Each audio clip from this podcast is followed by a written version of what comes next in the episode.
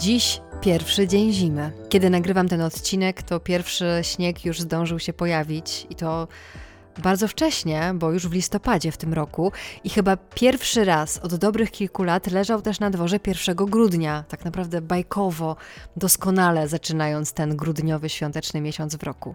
I dzisiaj w odcinku też tego śniegu będzie całkiem sporo. Wspólnie wskoczymy w zaspę, a nawet dwie zaspy kryminalne. I będzie recenzja głosowa. Mhm.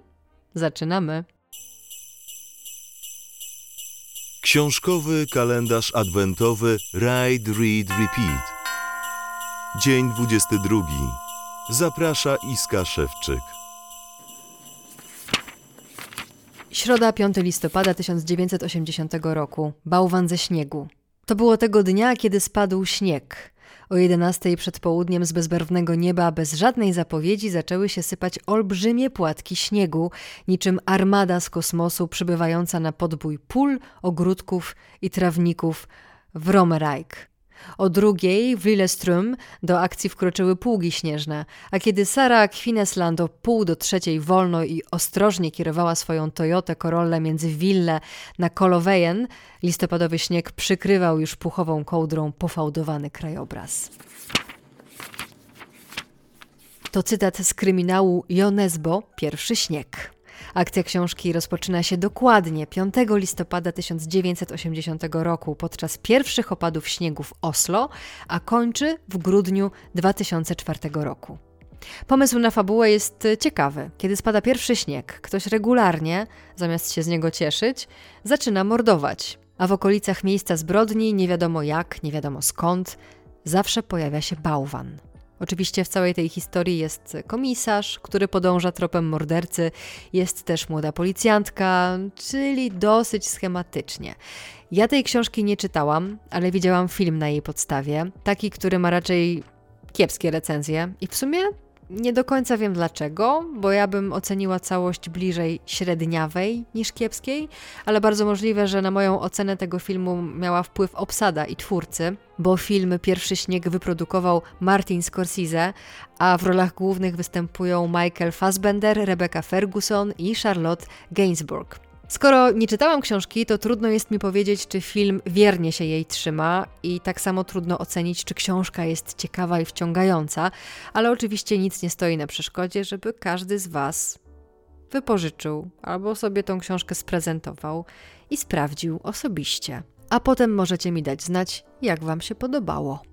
Jo Nesbo, Pierwszy śnieg, wydawnictwo dolnośląskie. Przełożyła z norweskiego Iwona Zimnicka. Projekt okładki Mariusz Banachowicz. Redakcja Sylwia Mazurkiewicz. Korekta Janina Gerard-Gierut. Redakcja techniczna Jolanta Krawczyk.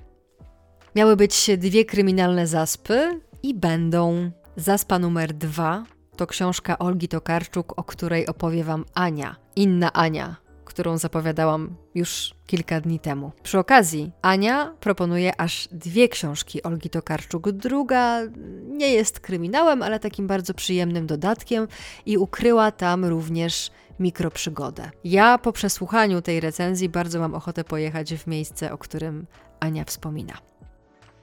Dla mnie najpiękniejsza jest zima w górach, dlatego jeśli myślę o książkach, które rozgrywają się w zimowej scenerii, to na myśl mi przychodzi Prowadź swój pług przez kości umarłych Olgi Tokarczuk. Jest to powieść e, kryminalna i trochę filozoficzna, Fabuła jej rozgrywa się w zasypanej śniegiem wsi w Kotlinie Kłodzkiej oczywiście, czyli tam, gdzie mieszka pisarka i gdzie rozgrywają się jej zazwyczaj jej powieści lub opowiadania. Tam mieszka też Janina Duszejko, jest to starsza pani, która tłumaczy angielską poezję na język polski i zajmuje się zimą, opustoszałymi domami. W tej miejscowości jest to miejscowość turystyczna.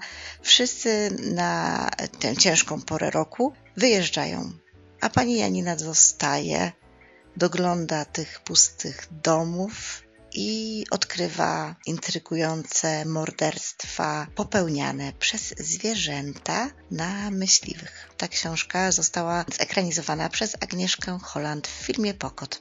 Pozostając przy zimie, to Karczuk, a jeszcze do tego zbliżających się świąt, myślę także o opowiadaniu pod tytułem Bardo Szopka, bodajże z tomu opowiadań gra na wielu bębenkach Olgi Tokarczuk o szopce w miejscowości Bardo. Jest to szopka ruchoma, które mnie osobiście po prostu zaczarowało. I jest to akurat taki tekst, który oddaje magię świąt, to niesamowite ciepło, które rozlewa się nagle po całym ciele. Mnie też zainspirowało, żeby pojechać do tej miejscowości. Byłam tam dwa razy. Nie zobaczyłam tej ruchomej szopki celowo nawet, ponieważ nie chciałam jednak weryfikować tego, co przeczytałam z rzeczywistością. No, miałam wrażenie, że ta magia cała jednak y, pryśnie, ale miasteczko jest wprost urocze i polecam Wam na małą wycieczkę i polecam piękny widok, który roztacza się na miasto z punktu widokowego. Punkt się nazywa Piękny Widok. Dzięki wielkie Aniu za tę recenzję, polecajkę. Książkę Prowadź swój pług przez kości umarłych wydało wydawnictwo literackie. A szopkę, o której wspomniała Ania na końcu, możecie zobaczyć w linku, który wrzucam w opisie tego odcinka, ale oczywiście najlepiej pojechać i zobaczyć ją po prostu tam, w miejscowości Bardo, na żywo. No dobrze, do wieczoru wigilijnego zostały nam zaledwie dwa dni, więc będziemy się jutro powoli do niego nastrajać i z tej okazji zabiorę Was na wycieczkę do miejsca, które lekko licząc jest oddalone od mojego aktualnego punktu, w którym stacjonuję, o jakieś 20-21 godzin podróży samolotem, czyli całkiem sporo. Ale będzie warto, obiecuję. Zwłaszcza, że dzień później, czyli w Wigilię, porozmawiamy z kimś, kto postanowił właśnie w tym miejscu, prawie na końcu świata, przez chwilę pomieszkać. Do usłyszenia jutro, dobrego wieczoru i spokojnej nocy. Cześć!